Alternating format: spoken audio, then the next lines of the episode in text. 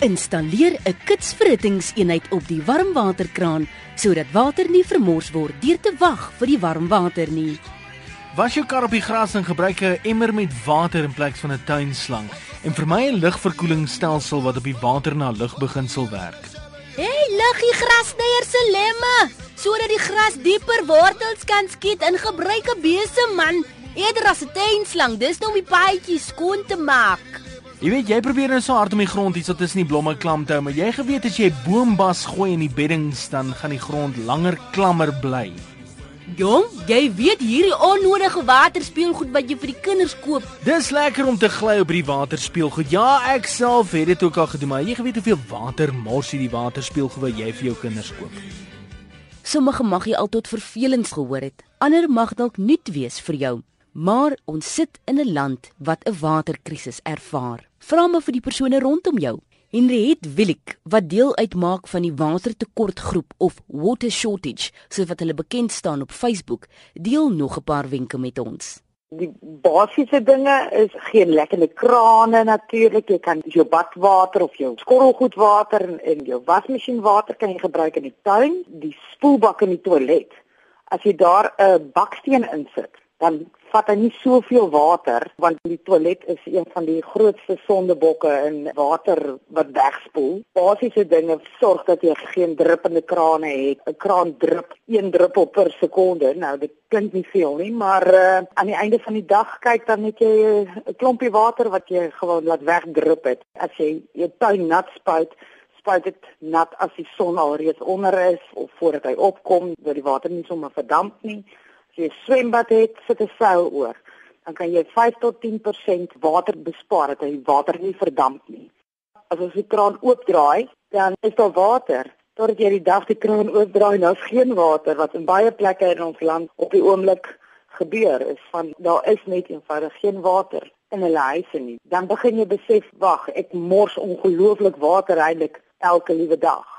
Ek weet self van mense wat stort met 'n emmer. Die emmer water word gebruik om hulle vloere te was of uh hulle toilette deur te spoel of in die tuin gebruik. Ons gebruik water oral in die huis. So ons kook met water en ons maak ons huise skoon met water en ons bad met water. Dis iets wat jy nie besef tot jy die dag nie meer daardie luukse het van water wat uit die kraan uitkom nie.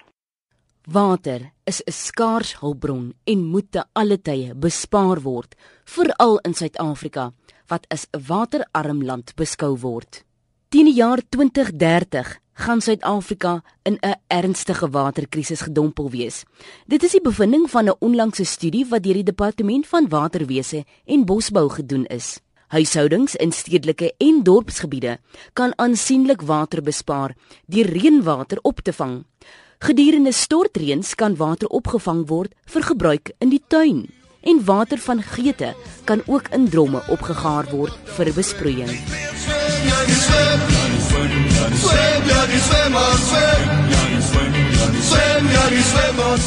Nou kyk nou net hoe 'n groot rol sosiale media kan speel.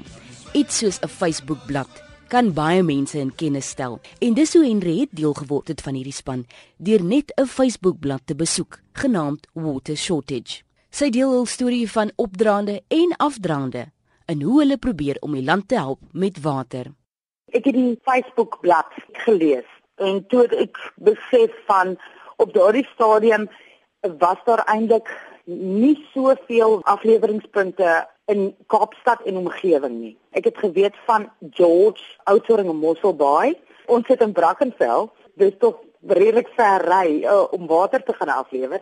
Op ons Brackenfell blad het ek toe gegaan en het ek toe gevra van mense kan ons nie help hier nie. Kyk wat gebeur hier in dele van ons land en die reaksie was absoluut fantasties. Mense het van oral hulle ondersteuning gegee aan hierdie waterinsameling en mense het ook begin om waterafleweringspunte by hulle besighede, by hulle huise te sê van kom sodat dit op die trok gelaai kan word sodat dit kan gaan na die mense wat dit nodig het. Vervoer was aan die begin 'n behoorlike probleem maar ek moet sê dit is besig om reg te kom. Daar's nou al 'n paar groot maatskappye, maar ook selfs klein maatskappye wat sê ek sal vir julle help. Ek sal gedeelte van my trok sal ek vir julle vir julle afstaan om water te vat na plekke. Selfs besighede wat gesê het hier is julle trok. Ons laai hom vol en ons gaan lewer die water af waar dit nodig is.